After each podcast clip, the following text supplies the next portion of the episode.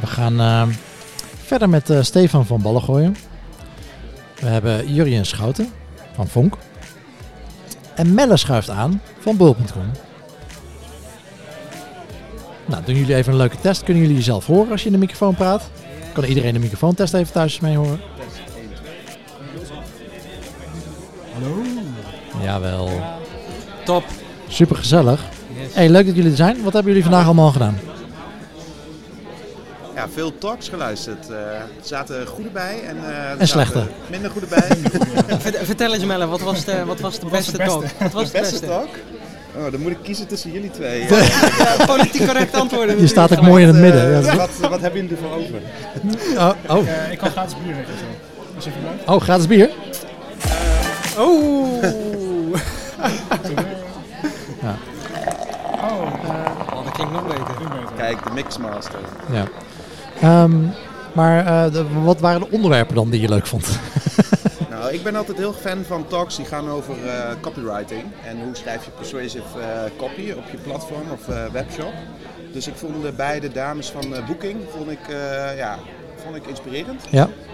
Het ging heel snel. Ze ging ook heel snel door hun slides. Maar het gaf wel, eh, ze namen ons mee en eigenlijk eh, de hele flow door van, een, eh, van eh, het plaatsen van een boeking. En op welke punten zij dan gebruik maken van eh persuasive teksten, maar ook manieren om ervoor te zorgen dat je als klant echt het gevoel hebt dat jij in het middelpunt staat binnen, jou, binnen de journey die je doorgaat. Dus dat vond ik eh, super interessant om te zien en hoe ze dat aanpakken. Ja, ja, ik vond het ook wel weer confronterend, omdat eh, ik heb laatst eh, alles voor mijn huwelijksreis geboekt via booking.com. En dan zie je toch alweer waar je allemaal, eh, waar je allemaal op, op gepakt wordt, zonder dat je er altijd... Kijk, je kijkt als CRO wel een stuk anders naar websites en ook naar booking.com, want juist haal je daar veel learnings uit. Alleen nu werd je er toch ook alweer mee geconfronteerd, ja, hoe goed de copywriting soms is. Ja, dat is Zeker weten. Ja, ik heb die, die eh, talk zelf niet meegemaakt. Dat is eh, mijn eigen voorbereiding. Maar eh, wat mij wel opvalt, bij degene die ik wel bijgehoord heb, is dat het wel veel steeds vaker om, het, om de klant gaat. Dus gewoon de essentie van het werk wat we doen, en voor wie wij het doen, die toch wel wordt aangeboord. Er blijkt een eh, klant eh, aan het einde van de Ja, datastroom eh, te zitten. Ja, dat zou je niet verwachten. Ja. Dat is wel degene die uiteindelijk ook eh, dood in de plank zorgt. Ja. En ehm, En vertel Wat? ons eens Guido, hoe bevalt Oh, het jou ja. tot op heden vandaag? ja, goed. Ik, ben- ik ben eh, sta- een staand bureau gewend, dus eh, dit, dit gaat, eh, gaat prima. in je oh, trouwens, eh, waar jullie nog niet aan mee hebben gedaan, we hebben hier een ABC-test. ABC-test. Ja. Ja. Welke Eh, het zijn, het, zijn, het zijn de paaseitjes. Nou, wel, welke, welke smaak denk je dat er in de, in de rode zit? Puur. Puur? Puur. Puur. Uur. Puur. Ja, of moet het- of het moet- is een Tony's chocolade, want dat is natuurlijk rood, is melkchocolade. Iedereen weet het ook, hè? Iedereen. Maar, maar zou, zou het gewoon een marketingtruc zijn van Tony Chocoloni? Dat ze dat... Dat we het er nu over hebben. Ja, ja, precies. Nou, het werkt dus wel. Ja. Ja, vol, nee, ik heb wel eens het verhaal. Ken je het verhaal of niet? Nee, vertel. Oh, het, verhaal is. Oh, je, je hebt, er is uitleg. Ja, er is Oh, serieus nou. uitleg. Oh, Want nou. volgens mij, ze wilden, eh, ze, ze steunen ook zeg maar, het, eh, doel vanuit zichzelf dat ze eh, slavernij, in ieder geval wordt heel veel slavernij nog gebruikt bij het creëren van de cacao. Ja. En toen moesten ze, omdat er een film werd geïntroduceerd, dan wilden ze graag een statement maken, moesten heel snel chocolade ontwikkelen. Ja. En het enige wat er nog was, waren de rode wikkels. En ze hadden melkchocolade geproduceerd, dus hebben ze dat toch maar gedaan, voor time being. En vandaar dus dat de melkchocolade in de rode wikkel zit. Ja, en het is gebleven, want het is echt wel eh, nu een beetje een marketingding geworden. Maar Ja. dat was wel het, eh, het punt waarop het eh, is ontstaan. Ja, hè. We hebben eindelijk uitleg. Eindelijk, Oh, weer een vraag de wereld uitgeholpen. ja, dat is lekker. Ja. Nu nog de Hey, levensvragen. maar eh, Melle, we hadden ehm, vanmorgen ook iemand die zei... ehm, ja, dat is, dat is leuk, al die, al die copy dingen die, die Booking doet. Ehm, maar ze zijn wel heel erg aan het, eh, ik wil zeggen, bijna mierenneuken. Eh, het zijn wel allemaal hele kleine dingen die ze aan het testen zijn. Het zijn geen spannende dingen. Het zijn geen grote dingen die ze aan het testen zijn. Je zou juist, als Carl, dus je zou juist die grote dingen moeten gaan testen. Nou ja, dat was ook de strekking van het verhaal van eh Leaseplan eh, zojuist. Eh, pak de epics op en niet de stories, zoals hij dat omschreef. Ja, van eh, Michiel Ehm, Jansen. Ja, en daar eh, ben ik het volledig mee oneens. Ja, Eh, want wat mij betreft, juist, en ligt natuurlijk aan de hoeveelheid traffic en de hoeveelheid orders die je op je platform hebt. Ja. Maar juist de kleine toevoegingen in de journey eh, om eh, uiteindelijk ervoor te zorgen dat je het klantgedrag daarmee kan beïnvloeden. Die, dat blijkt keer op keer weer en ook op het platform uh, bol.com waar ik met mijn team AB-testen op uitvoer. Die, die blijken gewoon enorme impact te hebben. En dat gaat van microcopy tot het uh, kleine toevoeging, kleine nuanceverschillen in het doen van uh, uh, in de copy, hoe je die formuleert. Die hebben gewoon enorme impact. Dus ehm, het oppakken van epics, ja, dat is, het is natuurlijk ook belangrijk om af en toe grote veranderingen ehm, te implementeren. Maar echt, volgens mij is echt de, de basis en de, de hart en ziel van het doen van conversieoptimalisaties om vooral ook te kijken naar incrementele kleine verbeteringen om uiteindelijk toe te werken op, uh, op basis van testen die je doet en vervolgtesten die daaruit voortvloeien. Om te zorgen dat je binnen een concept wat je aan het testen bent naar een lokaal maximum uh, gaat. en zo proberen om eigenlijk de rek uit een bepaald element door het doen van zoveel mogelijk AB-testen ja. daarop eruit te halen. Oké, okay. Jurjen, hoe doen jullie dat bij Fonk? nou, dat was een lange tijd ook wel mijn visie, zeg maar. Je doet de meeste impact met grote tests die goed onderbouwd zijn. Um, alleen, het, dat, gaat ook, er gaat ook heel veel tijd in zitten. Dus wij hebben toen uh, een beetje het principe van online dialogue omarmd. Van uh, gewoon zoveel mogelijk, zo snel mogelijk testen binnen je bandbreedte. Dus wij, wij zijn ook gaan uit. Zoals Tom van den Berg vandaag, vandaag ja, zei, gisteren in de podcast, gas op die lolly. Ja, gas op die lolly inderdaad. Dus wij zijn ook wel meer gewoon de kleinere dingen aan het testen, gewoon puur omdat we dan testen aan hebben staan. Um, en ook al vaker gehoord vandaag, ja, je, het voorspellen van het resultaat van de test, dat is gewoon niet te doen. Heel vaak denk je, ik heb nou een winnaar te pakken, maar het is niet waar. Dus de kwantiteit bepaalt ook gewoon het succes van je, van je programma. Dus ja, je kan wel heel erg gaan inzetten op grote uh, verbeteringen, maar ja, in mijn, in mijn ervaring kosten zulke verbeteringen meer tijd. Het duurt langer voordat ze klaar zijn, omdat ze onderbouwd zijn. Dus kan je beter ook gewoon veel tijd steken in het gewoon, gewoon testen. Ja. Kleinere dingen. Ja. Ja, het is soms misschien ook wel goed om, uh, om juist een hele set aan kleine testjes te doen. Om vervolgens weer een nieuwe standaard neer te zetten. Dus dat je dan een volledig nou ja, redesign op basis van de tests die je in het verleden hebt gedaan uh, neer te zetten. Ja. Denk ik. Ik ben trouwens super onaardig geweest net. Ik heb jullie jezelf niet laten voorstellen. Zullen we een klein rondje doen? Oh. Ik ben, uh, ik ben Steven van ik uh, werk als conversiespecialist. Althans, ik heb gehoord dat conversie niet altijd weer het goede woord is vandaag. Nee, uh, CXO. CXO-specialist. We dachten voor de podcast doen gewoon C, dan een vraagteken of gewoon een, een sterretje. Ja, ja. Om veilig te zijn, dan O. Ja. Nou, CRO, ik noem het gewoon nog steeds conversiespecialist bij Allianz. verzekeringsbranche werkzaam en fantastisch om te werken. Melle? Melle Moorman. Ehm, ik leid het CRO-team binnen Bol.com. Uh, twee jaar geleden opgestart en ik ben uh, sinds 1 uh, januari product owner geworden van een team dat de geweldige naam heeft Team Persuasion. En daarmee ben ik met mijn team verantwoordelijk voor persuasive features op ons platform. Ja. En ik ben uh, Jurjen Schouten en ik werk sinds 2010 bij Volk en sinds een jaar verantwoordelijk voor de UX en CRO met mijn team. En jullie werken dus allemaal niet voor een agency, maar voor eindklanten. Ja. Yes. Um, een van de stellingen van vandaag uh, nou, het bedrag moet je even, maar uh, je krijgt een groot bedrag. In de stelling was een, een, ton. Je krijgt er morgen een ton bij aan jaarlijks budget. Waar geef je het dan uit? Jurjen. Ik zou. goede vraag. Ik zou het hele. Ik zou verder kijken naar mijn eigen team, maar ik zou mensen aannemen. Ik zou het team voor product development binnen Fonk uitbreiden. Waar we nu één product UX team hebben, zou ik opteren om ja, uiteindelijk naar een groter team te gaan waarbinnen conversie geen uh, gecentraliseerd gebied is, maar waar het over hele teams uh, uh, zit. Ja. maar ik zit zeker in de mensen zoeken. Ja. Oké, okay. mensen? Mellen? Um, ik denk ik toch wel, ik, ik, ik snap, ik, ik, volg jouw redenering wel enigszins, maar ik zou het toch in middelen stoppen. Um, momenteel zijn wij binnen Bob.com met, met mijn CRO-team aan het nadenken over hoe we uh, andere Scrum teams meer ook het CRO-mindset kunnen geven. En, uh, daar, de, cultuur, uh, culture of experimentation, dat thema van vandaag. Precies.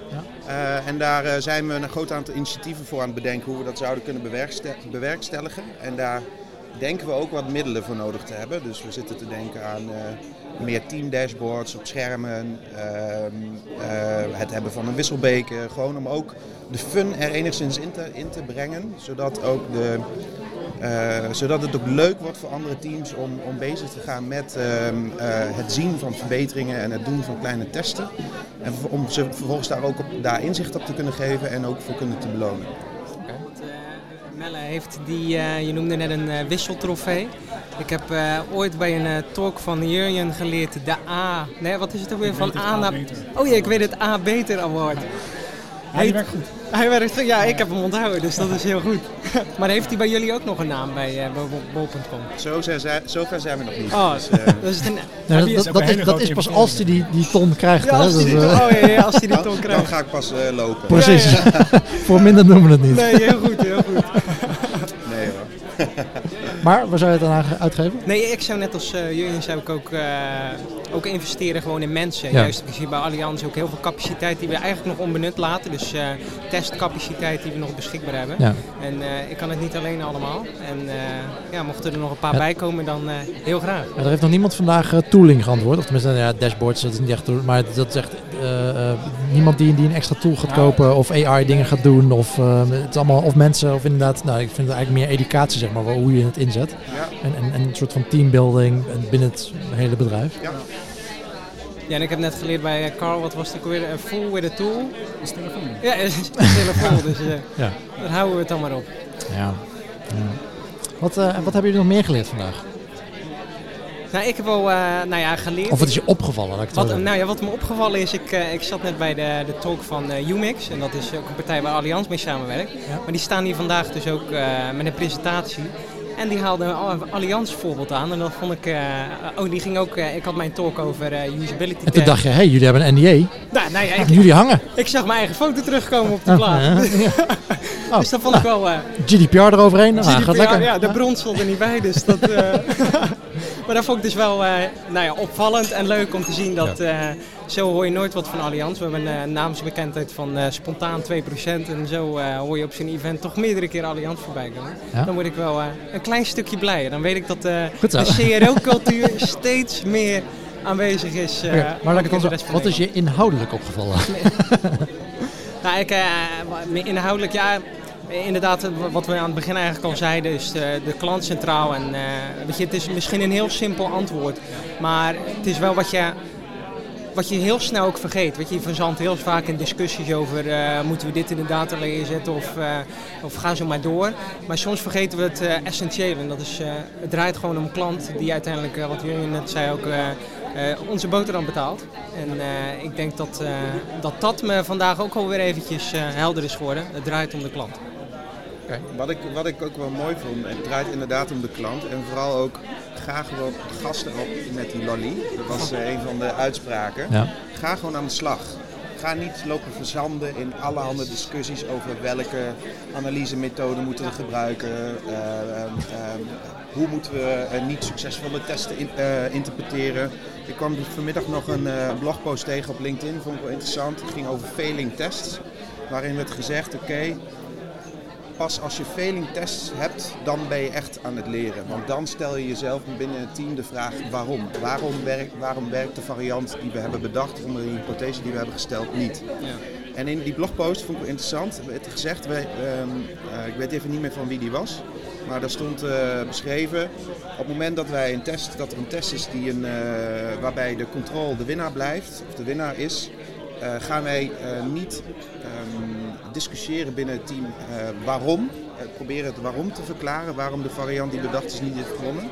Maar meteen met dat resultaat een user test in. Een kwalitatieve user test om te achterhalen wat uiteindelijk ervoor heeft gezorgd dat eh, de AB-test die is gedaan niet succesvol is gebleken. Dus je probeert het niet te redeneren, maar je gaat gewoon direct terug naar de Gewoon klant. meteen volle bak door en eh, vervolgens daar weer learnings uit halen en dat, dat we in een nieuwe Ja. hypothese gieten en weer door gaan testen. Ja, Dus, dat dus, echt- dus een goede loop tussen eh, kwalitatief en kwantitatief ja, onderzoek. ja, ja. Ja, je zoveel dingen uit die je uit, uit pure kwantitatieve data niet haalt. Sinds wij gestart zijn met user tests hebben we, ik heb het net over gepresenteerd, één, veel meer eh, verbinding tussen de verschillende afdelingen en we praten met z'n allen over de klant. Eh, en twee, je haalt AB-test ideeën op, omdat je Ja. het gewoon klantgedrag ziet. En eh, je hoeft niet altijd te geloven wat ze zeggen, maar wel wat ze doen. Ehm, dus dat heeft in ieder geval voor mij persoonlijk al bewijs geleverd dat je user test sowieso nodig hebt om je CRO-programma te verbeteren. maar ook om je designs gewoon beter te, te onderbouwen eigenlijk. Als er nu mensen zitten te luisteren en denken, ja shit, dat moeten we eigenlijk ook doen. Ja. Maar ja, potverdorie, een usability eh, test, dan moet ik, eh, waar haal ik die mensen vandaan? Eh, dan moet ik zeker een lab hebben. Uh, moet ik ook nog eye-tracking uh, software en uh, hardware gaan, gaan fixen natuurlijk. Het, het, het, kan al voor 0 euro hè? Kop jij deze? ja, ik kop hem wel in hoor. Alsjeblieft. Wat wil je als eerste horen Guido? Nou ja, waar, waar, waar moeten deze mensen beginnen? Ja, nou in principe qua respondenten ik heb hetzelfde probleem. Ik had uiteindelijk bij Allianz geen budget om uh, user tests te doen. Ik had, Ja. eh, ik had heel mooi een, eh, een kostenplaatje van A tot Z van 11.000 euro. Die kreeg ik helaas niet. Ehm, dus ik ben verder gaan kijken. Ik moest creatief denken. En we hebben binnen Allianz hebben we 1200 medewerkers. En ik heb, een, ik heb bij HR heb ik een bestand opgevraagd met alle e-mailadressen van de medewerkers die ik eh, zo waar heb gekregen. Ehm, heb ik eh, door ons grafisch vormgever ook nog een, eh een logotje laten ontwerpen met een, eh, met een prachtige hash en pan. En dat we iets met een, ja, ik had dat genoemd Allianz Customer Experience Lab. Had Nice. een mooi mailtje getikt met, wil je meedenken over, het, over wat we eigenlijk naar onze klanten sturen en wat, wij onze, wat onze klanten zien. En daar werd zowaar door meer dan 200 collega's gereageerd. Die ik dus eigenlijk als een eh, soort testdatabase 1 op de aan, 6, eh, netjes. mensen eh, heb gezet. En uiteindelijk heb je, nou ja, volgens Jacob Nielsen, vijf eh, mensen nodig om 80% van je Ja. usability issues boven water te krijgen. Maar het waren wel collega's natuurlijk. Het waren collega's, dat klopt. Alleen eh, juist ook omdat we bij Allianz zo'n breed palet hebben aan, eh, aan Ja. producten, liet ik dus mensen van bijvoorbeeld de schadeverzekering, iets van pensioentesten, die eigenlijk totaal geen verband met elkaar houden. En Ja. nou ja, of een knop werkt of niet, dat kan ook een, of dat nou een medewerker is of iemand uit de doelgroep. Ja, nou, ik wil nog toeleggen, en dat, dat, dat zul je bij alle onderzoeksmethoden weten of, of hebben, dat, dat iemand zegt ja maar, dat zeg ik, ja maar dat zijn collega's. Uh-huh. Eh, of ja maar het zijn er maar vijf. Ja. Of ja maar dat die specifieke doelgroep. Of eh, ja maar die zijn helemaal niet klant bij ons. Dat heb je bij, bij, bij alles heb je dat. Dat heb je ook bij Google Analytics, Ja. dat heb je bij gebruikersonderzoek, dat eh, heb je bij, bij surveys, dat heb je bij, bij alles heb je dat. Dat besef moet je hebben. Van, er is altijd wel wat aan te merken op, op jouw onderzoeksmethode. Maar het gaat juist om die mix. Dat je en naar Google Analytics kijkt en die survey doet. En, en dan krijg je dat. En dan vallen hopelijk die nadelen vallen weg. Ja, Dan ja. krijg je wel een goed overall eh, eh, beeld. Ja, ja, en het is ook denk ik een stukje natuurlijke weerstand van, eh, van mensen. Oh, die is wat aan het testen. En eh, stel je, daar ben je zelf bij betrokken geweest bij het ontwikkelen van het prototype of eh, bij het product zelf. Zeker. Dan, eh, dan vinden ze dat verschrikkelijk als ze horen dat de klant het niks vindt. En eh, ja, daar eh, probeer ik op de goede manier mee om te gaan en ik denk dat het best goed lukt. Nou, Maar het kan wel confronterend zijn inderdaad. Maar aan de andere kant is het ook weer een munitie eh, de boel weer op scherp te zetten. En te zeggen van jongens, ja, de vorige keer hebben jullie iets gemaakt wat misschien niet zo handig was. Maar ja, dat hebben we weten te voorkomen dat het, eh, dat het live ging. Eh, dus nu kunnen we dit niet nu gewoon meenemen in de volgende user test. En dan kunnen we kijken hoe het eh, deze keer ja. gaat. ja, ik heb informatie voor jou als designer, waardoor jij je werk veel beter kan doen. Moet het een beetje verkopen. Die mensen lopen hier beneden. Ja. ja, heel goed. Ja, en ehm, ik had het van de week eh, met eh, Tom van den Berg over in de, in de podcast. Dat vond ik wel interessant. Hè? Die hadden het over ehm, eh, hoe ik het? hierarchy of evidence. Om daar, om daar heel erg bewust mee bezig te zijn. En ehm, dat, is een, dat is een piramide. Met aan de onderkant van de piramide is eigenlijk een soort expert review. dat is de laagste vorm van. En, Hippo staat er niet onder, die, die staat er niet op, maar die, die zit daaronder, denk ik. En, dan ga, en dan ga je opbouwen van, oké, we hebben wat al, de algemene externe studies, craze reports. Eh, en, en bovenaan staan zeg maar ehm, eh, cohort studies. Daarboven eh, randomized controlled trials, dus AB-testen. En helemaal bovenin staan ehm, ja, systematische, systematic reviews en meta-analysis of meerdere randomized trials die je doet, meerdere AB-testen die je doet. Op die manier. En, en hoe hoger je in de pira- piramide zit, hoe lager je risk of bias en ehm, hoe hoger je quality of evidence. En ja, hoe, ja, gewoon hoe meer informatie je hebt vanuit meerdere bronnen, hoe beter. Ehm, hebben jullie het gevoel dat jullie bedrijf dat ook zo ziet? Jullie medewerkers, zeg maar? of hebben die een... Die kennen Ander beeld bij die- Niet. Nou ja, die, die kennen geen piramide. Nee. Alleen de piramide van Maslow, denk ik. Ja. Ehm, We hebben, het net, we hebben het net ook al een paar keer gehad. En dat heeft, heeft er deels mee te maken met eh, de KPI's die je stelt. Dat het ontzettend lastig is voor veel bedrijven om goede KPI's te stellen. Eh, die ook echt bijdragen aan het bedrijfsresultaat. En niet dat je, dat je daardoor juist oogkleppen op krijgt van oké, ja wij moeten meer traffic en we, ja, we hebben nu toch meer traffic. Eh, dat het daar stopt zeg maar. En, en dat het eigenlijk zou je het laatste punt moeten pakken, die lifetime value, daar gaat het om zeg maar. En als je dat niet hebt, de stap ervoor, en als je dat niet hebt, de stap daarvoor. Maar eigenlijk zou alles daaraan gerelateerd moeten zijn. Ja, Hoe- het zijn, eh, ja, hoe wij ermee omgaan. Wij we zijn een klein team. Dat betekent dat we best wel flexibel zijn in wat we doen. En eh, wij, onze belangrijkste KPI's zijn conversie en het optimaliseren voor conversie. Nou, dat is natuurlijk heel breed, want eh, elke AB-test die je draait, die, wordt ge, ja, die richt zich op één specifieke conversie van die AB-test. En, en in die end moet het allemaal meewerken aan de uiteindelijke conversie. Nou goed, lang van kort. Ehm, maar wij, doordat wij eh, andere methodieken als user testing hebben geëmbed in het proces, weten we wel beter welke methodes we moeten inzetten om, de, eh, om bepaalde validaties op te halen eigenlijk. Ehm, Hoe, hoe ziet dat eh, embed in het proces? Hoe ziet het eruit? Eh, nou, waar we voorheen eigenlijk een idee hadden, dat gingen ontwikkelen, eh, of een idee, design, ontwikkeling, AB-test, release, hebben we het user testen in het proces verweven. Dus een idee wordt eh, in een prototype gegooid, dat gaan we user testen. Vervolgens als we denken dat, dat we daar het maximaal uit, uitgehaald hebben, dan moet het nog gebouwd worden. Nou, die designers spreken ook niet altijd dezelfde taal als de, de developers. Ehm, dus als het eenmaal in, eh, in acceptatieomgeving staat, dan zijn we het ook nog wel eens aan het eh, user test om er zeker van te zijn dat we geen dingen gemist hebben. En dat geldt voor prototypes, maar het geldt ook voor AB-tests die we gebouwd hebben. Die, eh, eh, waarvan we denken van, nou ja, misschien moeten we dit nog eerst verifiëren voordat we het in een AB-test gooien. En hoe, eh, hoe pakken jullie altijd die user research aan? Want uiteindelijk, eh, wij zijn ooit begonnen met, eh, met medewerkers. Tegenwoordig halen we ook eh, wel echte klanten naar binnen. Ik ben wel benieuwd, ik heb net niet bij je talk gezeten, maar ik ben wel benieuwd op welke manier eh, jullie dan user tests aanpakken. Eh, nou, wij zijn begonnen met een eh, poll, een bedankpagina. Eigenlijk Hotjar recruiters aan te zetten op de bedankpagina. En gewoon mensen te vragen, hey, zou je mee willen helpen met eh, de website eh, te verbeteren? We hebben klantonderzoek op ons kantoor in Utrecht op twee dagen. Schrijf je vrijblijvend in. En eh, je ziet, als wij zo'n eh, poll twee weken aanzetten, komen er 300 respondenten op af.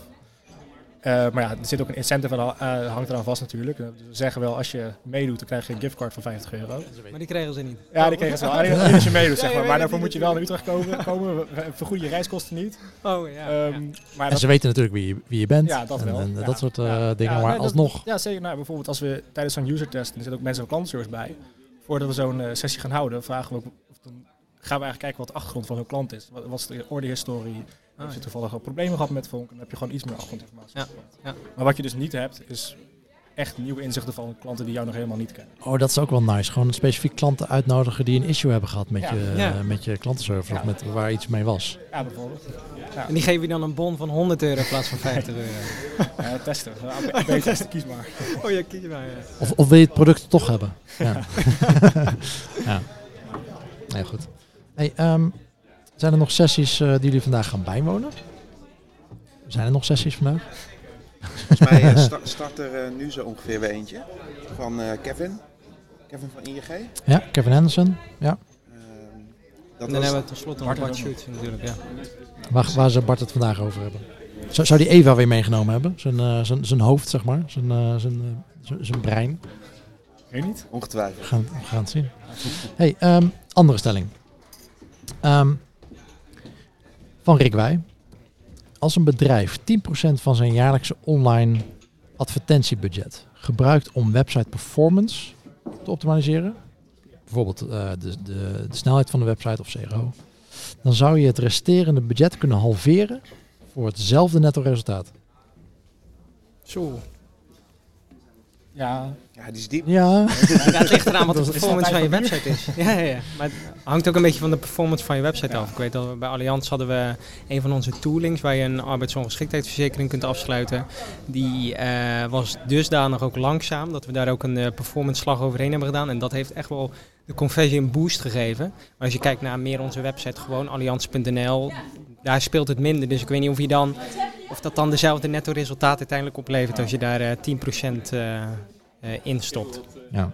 Uite- Uiteindelijk is het natuurlijk wel zo dat een, een, een, een snel ladende website of webshop converteert gewoon beter dan een eh trager ladende. Ja, ik, denk dat, dat zijn onderliggende ehm, vraag of, of idee is dat, dat bedrijven, dat de verhouding een beetje zoek is bij de meeste bedrijven. Dat er, dat er veel meer gaat naar traffic. Ja. Ja. eh, Ja, dan ik- dat er gestopt wordt in het verbeteren van de ervaring. Wat, ja, de wat, ik wel, wat ik wel mooi vind aan, aan snelheid en performance, is dat je eh, eh, dat, het, dat het een manier kan zijn om, eh, om binnen Scrum teams bijvoorbeeld eh, developers ook veel meer ehm, eh, zich eigenaar te laten voelen van eh, de conversieverbetering van een platform. Als je zegt, oké, beste developer, wij ch- challengen jou of jullie om ervoor te zorgen dat we JavaScript zoveel mogelijk eh, proberen te minimaliseren qua inladen. Ehm, eh, en, en ga ze op zoek naar manieren om de snelheid van de website te verbeteren. Ja. Omdat dat gewoon een enorm effect op conversie kan hebben. Ja. Eh, en dat tegelijkertijd een topic is waar, me- waar eigenlijk met name developers zich het daar een hele belangrijke rol in kunnen spelen. Zijn dat ook wel to- toffe manieren, denk ik, om er zo voor te zorgen dat je Scrum teams ook veel meer ehm, eh, zelf-enabled en zelf eh, proble- probleemeigenaar laat, eh, la- laat voelen van, van het doen van conversieoptimalisatie. Ja, je zet ze volledig in hun kracht. Ik, Ja. ik herken het wel inderdaad. Een van onze developers in onze tooling hadden we bijvoorbeeld nog in de JavaScript ook, kwam er nog een stuk Hebreeuwse tekst terug. Die uiteindelijk ook voor heel veel eh, voor extra laadtijd zorgde. Maar dat, dat laat wel zien inderdaad als iemand daar, zo'n developer er zelf mee aan de slag gaat en zelf eigenaar voelt. Ja. Ook van, van het verbeteren van die snelheid. Dat is echt nou, dat is key in een eh, verbetering van je performance. Zeker. En, en mijn ervaring is dat ook eh, zo, zeker als je begint, dat het handig is om, om vriendjes te worden met een development team. Ehm, ook omdat ze in het begin- zij moeten vaak je testen maken, of in ieder geval zeker als het eh, backend impact eh, heeft. Ehm, en in het begin loop je een beetje het risico natuurlijk dat zij denken van, oh, maar dat is extra werk. En dan gaan we testen maken. En eh, dan heb je ze misschien al verteld dat eh 1 op de 5 of 1 op de 10 testen pas een succes is. Dus dan denken zij, oké, dat dus dan ben ik, dus, ben ik 90% van de tijd bezig met iets eh, wat niet, eh, wat niet doorgevoerd wordt. Maar na een tijdje komen ze er als het goed is achter dat, oh ja, maar die, die testen zijn heel simpel te maken. En dat project van drie maanden waar ik net aan gewerkt heb, dat is eh, dat, dat gewoon live is gezet zonder te valideren. Eh, en waar de manager nu ineens boos over is, want het werkt niet. Eh, dat heb ik ook voor niks gedaan. Dus dan, dan helpt het wel. Dan, dan, dan vinden ze dat ineens een stuk leuker om, om testjes te gaan doen. Ja, het, scheelt, het scheelt dat wij eh, met een externe partij werken voor development. Dus dat we gewoon uren hebben. Ja, Dus ik kan gewoon zeggen, ik wil gewoon voor... eh, dat zijn, we hebben gewoon vast uren gereserveerd voor onderhoud en maintenance. Daar zit ook performance in. En voor grotere projecten die in principe niet, niet per se op mijn eh, bordje vallen. En gewoon gereserveerde tijd voor improvements en alle optimalisaties. En die zijn Dus gewoon een fi- fix aantal uren Ja. voor, voor CRO, zeg maar. Ja. Voor, eh, Ja. Hebben jullie dat ook bij, bij Bol? Bij Allianz? Ik heb het geluk dat ik een, eh, een developer heb die ik dedicated voor eh, CRO kan inzetten. Ja. Dus dat is Yeah. eh, super chill. Ja. Ja. Ja. Ja, dat is bij ons nog wel eens wat beperkt. Het gaat, het gaat ook vaak op toch weer in, eh, in andere trajecten. Van, eh, van dingen die toch weer uitgevallen zijn. Waardoor ze zeggen van ja, de development capaciteit moeten we toch doorschuiven. Ondanks dat je in een scrum team eh, samenwerkt waarbij ze zeggen hey, dedicated time gereserveerd voor eh, development. eh, zeggen ze dan toch eh, in de prioriteitencommissie die daar dan weer boven Ja. valt. eh, we gaan de development capaciteit eh, anders besteden. Ja, dat had van de week ook met, met Tom over, die, die hierarchy of evidence waar we het net over hadden. Eigenlijk zou de backlog eh, daarop geprioriteerd moeten worden. Ja. Of in ieder geval, het zou een factor moeten zijn in die Ja. prioritering. Dat, eh, ja, het is leuk dat jij die, eh, die functionaliteit live wil zetten. Dat is hartstikke, hartstikke tof. Eh, maar waar komt het idee vandaan en, en hoe hoog op die schaal zit jij, zeg maar? Ja. En dikke kans dat jij, dat jij hoger zit op die schaal. Ja, ja nou, volledig mee eens. Alleen vaak leggen ze dan een soort van het wetboek erbovenop en dan zeggen ze ja, het, is, eh, het is volgens de wet dit, dat, dat. En dat, nou ja, dat is, blijft vaak ook een issue eh, binnen de Ah, financiële dienstverlening Ja. om, eh, om dat wetboek wat, eh, wat nou ja, heel veel eh, soort van mazen ook nog in de wet heeft, eh, om dat eh, te triggeren. En eh, dat ook eens even te prikkelen met, met de onderzoeksdata en eh, dingen Ja. die je uit de user test haalt. Hebben jullie daar, eh vragen jullie drie, hebben jullie daar vaak last van dat, je, dat er dingen zijn die je niet kan of mag testen? Ja, heel veel. Ik heb eh, van vorig jaar een, eh, een voorbeeld. Toen hebben we, ik had we bij Centraal Beheer gezien. eh, in ieder geval voor die tool die ik eerder ook al aanhaalde voor onze arbeidsongeschiktheidsverzekering. Daar hebben we een verplichte kennis- en ervaringstoets. En we zagen dat nou ja, een enorme drop-out, dus eh 50 tot 70 procent. Ik gaan, eh, gaan kijken van, goh, eh, wa- waar is dat dan? En eh, het model van Fokker bijgepakt, ook met motivatie en ability en die trigger. En toen kwam er iemand van Egon, nog wel te verstaan, die kwam met het idee, ja, bij Centraal Beheer hebben ze de, de Hypotheek Academy. Want daar moet je ook een kennis- en ervaringstoets doen. Misschien is het wat om zo'n, zoiets te implementeren ook voor, voor jullie arbeidsongeschiktheidsverzekering. Dus ik ben aan de slag gegaan met een AOV Academy. En die heb ik samen met een product manager ontwikkeld, waarbij feitelijk de antwoorden op de kennis- en ervaringstoets daarin stonden, maar dan mooi verwerkt in, in wat langere teksten. En die, heb ik, die test heb ik toen uiteindelijk geïmplementeerd, zonder dat ik eigenlijk daarvoor, want ik voelde me al aankomen dat dat dus niet zou mogen, heb ik op de kennis- en ervaringstoets laten plaatsen als notificatiebar bovenaan. En nou, die zorgen ervoor uiteindelijk 24% meer aanvragen. En uh, nou ja, een succes, waardoor ik dus toch genoodzaakt was om uh, breder te communiceren dat we dit hadden getest. Ja. Maar inmiddels staat die uh, test weer uit en mag die helaas niet geïmplementeerd worden. Ja. En, een, en een alternatief die daar die, die richting op gaat, is daar, wordt daar ook over gesproken? Of daar wordt over gesproken, maar in tot nu toe word ik daar van het kastje naar de muur gestuurd. En maakt mij een beetje verdrietig, juist omdat we daar tonnen laten liggen. Maar ja, dat uh, moet ik uh, toch blijven bevechten. Ja. Nou, kijk, ik vind, ik vind soms wel dat je um, als CRO-specialist, ik vind het aan de product owner zeg maar uiteindelijk om te beslissen gaan we iets doorvoeren of niet. En dat heeft ook met een AB-test heeft ook zijn limitaties. Ja. Uh, je kan niet. Um, het heeft ook met de strategie van je bedrijf te maken. Van oké, okay, ja, deze test laat zien dat we veel meer deze doelgroep aanspreken. Ja. Maar strategisch hebben we net beslist, ja, dat, dat, dat willen we eigenlijk niet. We willen die, de andere kant op, prima. Um, maar één zeggen dat we iets niet kunnen testen, daar, dan gaan de haren bij mij al recht af aan, zeg maar. ik wil, of dat de brandpolitie langskomt, ja, maar die kleur hoort er niet oh, bij. Dus dat niet, nee, niet die kleur. Uh, maar ik wil het wel gevalideerd, ik wil het wel testen. Ik, dat je het niet doorvoert, vind ik prima. Daar kan ik mee leven. Uh, tenzij we een jaar lang uh, met tientallen testen aankomen dat je zegt van, uh, ja, maar dit werkt gewoon niet. Hmm. En dit is wel voor onze doelgroep. en jij wil het maar niet doen, maar ja, dan moeten we toch eens even om tafel gaan zitten en een serieus gesprek voeren. Van, prima dat je dat niet wil doen, maar je hebt ook vaak hetzelfde team die bepaalt van dit is onze doelgroep. Nee. Die matchen niet met elkaar. nou, je ziet er bij ons ook wel eens dat we testen doen uh, met design changes die niet uh, volledig in, in, lijn zijn met onze design systeem of met style guides. Ja. Uh, waarbij we dan uh, op voorhand wel een discussie, flinke discussie hebben met, met, met, met design. Uh, maar waar, waarbij we ook vaak uh, proberen te beargumenteren. Oké, laten we nu. Wat we uiteindelijk we willen leren wat het effect is als we een wijziging doorvoeren. En als hij. Oké, hij is dan niet direct in lijn met de style guide, maar laten we in ieder geval proberen dat lerende effect te behouden. De AB-test live zetten, kijken wat het doet. En als het daadwerkelijk klantgedrag beïnvloedt, zetten we hem niet 100% live, maar geeft dat in ieder geval voeding om een style guide proof variant van de winnende test te, uh, op te leveren. En het, is hopelijk ook impact of uh, informatie voor je designers van oké, okay, ja. dit, dit, zou toch misschien beter kunnen. Ja. Nee, maar ik heb er in principe geen last van. Wij kunnen alles testen. Goed zo. Als ik, als ik wil. Oh. Het is meer dat, uh, dat wij juist, omdat, het, omdat de testing ook in het productteam zit, zeg maar, en dat het enige team is in Fonk wat aan uh, development doet en uh, aan de voorkant, zeg maar, front development doet.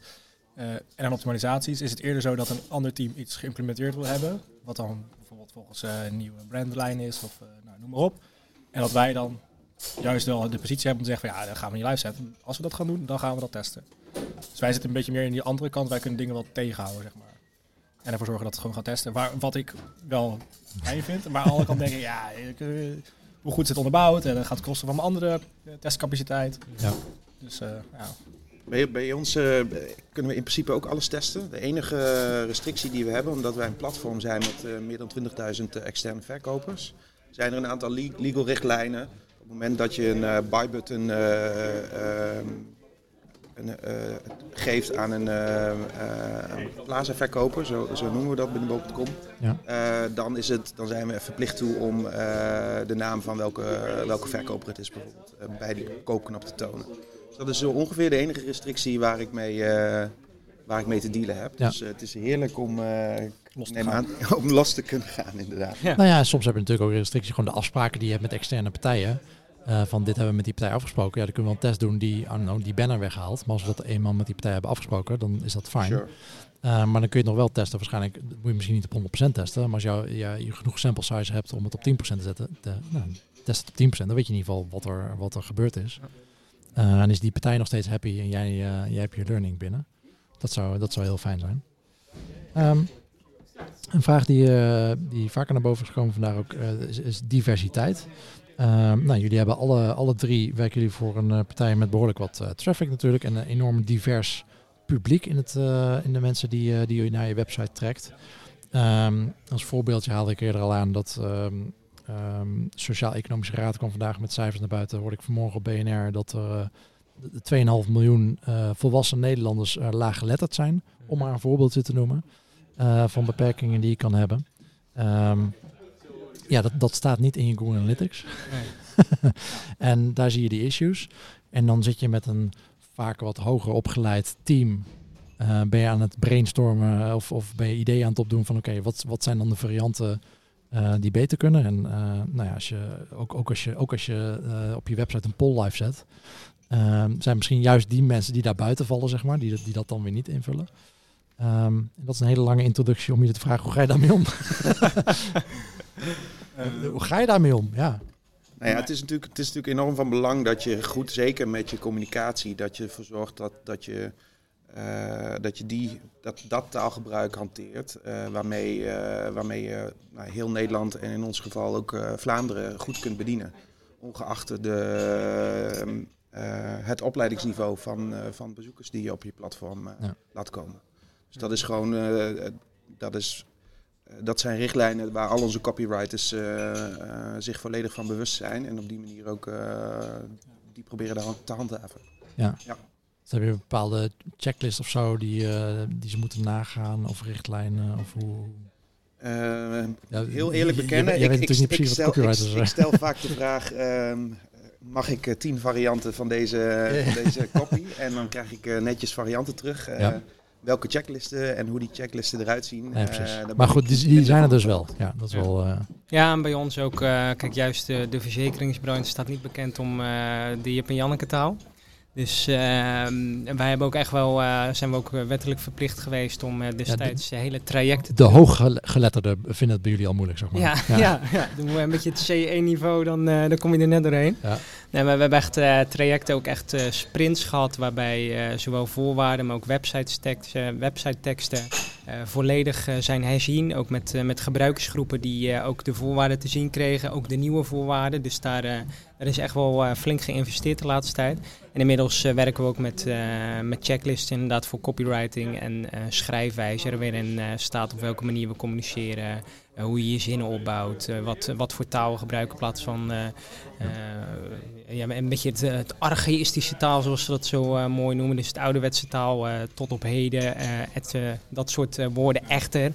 Eh, die worden dan vervangen door een, ander woord die, eh, ja, die wat beter in lijn ligt met eh, de B1-taal. Of in ieder geval de taal die, eh, Ja. die je aan moet houden volgens de wetgeving. En een van de, van de oplossingen hiervoor zou kunnen zijn eh, personalisatie. Dus dat je die groepen, eh, dat je daar andere content voor, eh, voor hebt. Ehm, hoe ver gaan jullie daarmee? Nou, niet voor. eh wij doen sowieso weinig personalisatie. Ehm, en qua taalgebruik, wij hebben een. eh, Ja, de, taal, taal laaggelet, dat was maar een voorbeeld. Ja, Ja, ik bedoel precies, in het maar- algemeen dat je een heel divers publiek eh, waarschijnlijk trekt. ja, ehm, het enige waar we wel steeds meer naar kijken is eh, de contrasten die we op de site hebben. Dus de achtergrondkleur, letter, eh, Ja. Font sizes, font eh, colors. Eh, er, heeft, eh, er zijn handige tools voor om dat eh, te checken. Dus daar hebben we nu een aantal sprints en een aantal punten voor om dat eh, echt te verbeteren. Omdat we gewoon zagen dat het contrast gewoon te laag was. Ehm, dus dat zijn de AB-testen die we aan hebben staan. Wat is dan eh, zo'n tool die je daarvoor gebruikt Eh, voor het het zit contrast? ook in, eh, in Google Chrome, in Developer Tools. Oké. Zit, eh, als je de kleur aanklikt, kan je, kan je geloof ik het contrastratio zien op de, op de, van de font en de background. Ehm, ja, daar zijn gewoon richtlijnen voor. En eh, onze UX design heeft volgens mij eh, afgelopen week zo'n beetje alle belangrijke ja, UI-elementen in zo'n checker gegooid om te kijken Mhm. waar de kansen liggen. Accessibility is natuurlijk een Ja. superbelangrijk onderdeel van, je, van Ja. hoe je je Ja. site presenteert Ja, uiteindelijk. maar het is ook wel lastig, want eh, je hebt natuurlijk ook een, een brandteam wat een bepaald gevoel wil uitstralen. Ja. Ja. En wij er- willen ervoor zorgen dat iedereen het kan lezen. Maar dat is nu gewoon een middenweg. N- niet altijd hetzelfde. Nee, Nee. niet altijd hetzelfde. Nee. Maar eh, ja, weet je, de- als de klant het kan lezen en het past binnen de brand, ik denk dat daar best wel veel speelruimte is. Ja, ja dat is wel- maar wel goed dat jullie daarmee bezig zijn. Ja. Natuurlijk als je een bepaald volume hebt, dan, dan die, die groep waar het om gaat, Ja, dat, is, een- dat wordt een substantiële groep natuurlijk. Ja, ja. Ja. En ik heb een collega die, eh, we zijn nu op de achtergrond ook bezig met het ontwikkelen van een, eh, een nieuw webdesign. En eh, een van mijn collega's die met, uh, met content bezig is, die heeft ook die accessibility uh, richtlijnen. Heeft hij ook op de muur geplakt. meer om een beetje awareness binnen de afdeling ook te creëren. dat we wat bewuster bezig zijn van mensen met een nou ja, visuele beperking. Of die tegen andere dingen, kleurenblind, et cetera, aanlopen. Ja. Bart, heb jij nog een vraag? Je, je, hebt geen microfoon. vragen. Ik heb geen microfoon. Nee, um, wat is het laatste uh, wat betreft CRO, in de breedste zin van het woord, waarin jullie van gedachten zijn veranderd en waarom? Heftige vraag meteen zeg, jeetje. Oh, hallo. Ja, even, even een luchtige laatste vraag. Uh. Goeie. Is, is het een uh, BGNT-test? Uh, ja, als we... Oké. Don't go there. Nee, precies.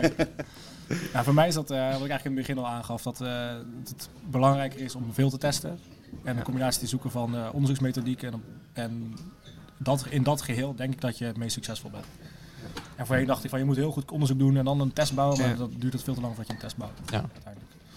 Um, vanuit, uh, vanuit mijn uh, team uh, binnen bol.com zijn denk ik wel twee die wel leuk zijn om te vermelden. Enerzijds de manier hoe we, hoe we, hoe we AB-testen prioriteren. Um, in het begin hebben we ons heel erg vastgehouden aan, um, aan het pixelmodel bijvoorbeeld. En oh ja. een stukje bij beetje hebben we die meer een bol.com sausje gegeven. Waarbij we bijvoorbeeld Mobile First hebben toegevoegd om daar extra punten voor toe te kennen. Hoe heet het, het bolmodel? Het nou, nee, zover wil ik nog niet gaan. um, maar wat ik nu zie gebeuren en, um, uh, is dat we naar een veel beperktere set aan, uh, aan scores toe gaan. Die we, die we met name, waar we met name de focus houden op impact versus effort. Omdat we eigenlijk ook met elkaar zeggen, we, kijk, we kunnen wel lang discussiëren en scores gaan geven over 10 of 12 of 15 assen. Uh, om uiteindelijk te kunnen bepalen met welke test je gaat beginnen. Maar uiteindelijk gaat het erom, wat jij ook zei net, velocity maken. Gewoon veel testen, zoveel mogelijk learnings opdoen en niet die tijd, die, die spaarzame tijd, uh, zeker binnen, binnen Bob.com, omdat het een, een, meer een satellietconstructie is bij een CRO-team. Uh, ieder ieder lid die heeft ook een andere functie binnen het bedrijf. Uh, we willen gewoon meters maken. We willen gewoon leren wat, wat de wijzigingen teweeg brengen die we doorvoeren. En niet verzanden in hele lange discussies over prioriteren. Dat, prioriteren dat is belangrijk als jij um, beperkte capaciteit moet testen. En dus heel veel daar een goede keuze moet maken. maar als jij, als die keuze, als, als jouw development capaciteit zo beperkt is, als je die keuze ook kan maken met drie vragen, ja, dan hoef je er geen 15 van te maken, want met drie ben je er ook al, zeg maar. Ja. ja. en dan moet je gewoon wat je zegt, dat, dat tempo hoog houden. Ja. Een bepaalde basis uh, ja. leggen. Ja, hey. en, en de tweede misschien nog uh, um, is dat wij zijn gestart echt als, um, als eilandje. Ja. Maar we proberen nu, dat, dat zei ik aan het begin van dit, van dit, dit interview, mag ik het zo noemen? Ja hoor. Um, uh, zei ik het al even dat we veel meer de switch willen maken naar een, een meer faciliterende rol.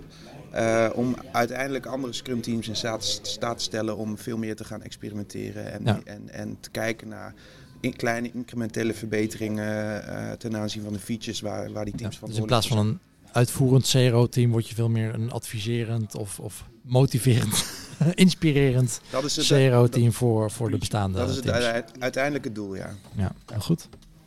Even nog een laatste ding waarover jij uh, van mening bent veranderd. Um, ja, ik denk dat het ook wel een beetje de, de insteek geweest is van, uh, van de talk die ik vandaag gedaan heb. Is uh, dat je niet altijd groot hoeft te beginnen. We, hebben meestal uh, ambitie, oh we moeten dit, dit, dit. Dat start juist bij heel klein. Hetzelfde met die, met die user tests die we dan doen. Ik had juist in gedachten om die, die grote en je, je kan de brain engineers en weet ik veel wat kun je allemaal aanhaken. Maar uiteindelijk is het nu gestart met, uh, met, met, testen met medewerkers. En uh, nou ja, ik heb een van die sheets die ik had, was uh, een aanpassing die we hebben gedaan door een van de issues op te lossen op mobile. waardoor we uiteindelijk 9 ton bijna aan premievolume extra hebben binnengehaald in één jaar. Nou, dat is voor, mij, is voor mij key. En weet je, dat start klein en dan kun je altijd doorgroeien naar dat grote. Heel goed. Dankjewel uh, Jurjen Schouten van Vonk, Melle Moorman van Bol.com en Stefan van Ballengooien van Allianz. Dankjewel, nog veel plezier. Um, veel plezier met, met uh, ik denk de borrel. Denk het ook. En, ja, dat gaat, um, we lukken. gaan door uh, met, met de laatste spreker van vandaag. Yes, Dankjewel. succes.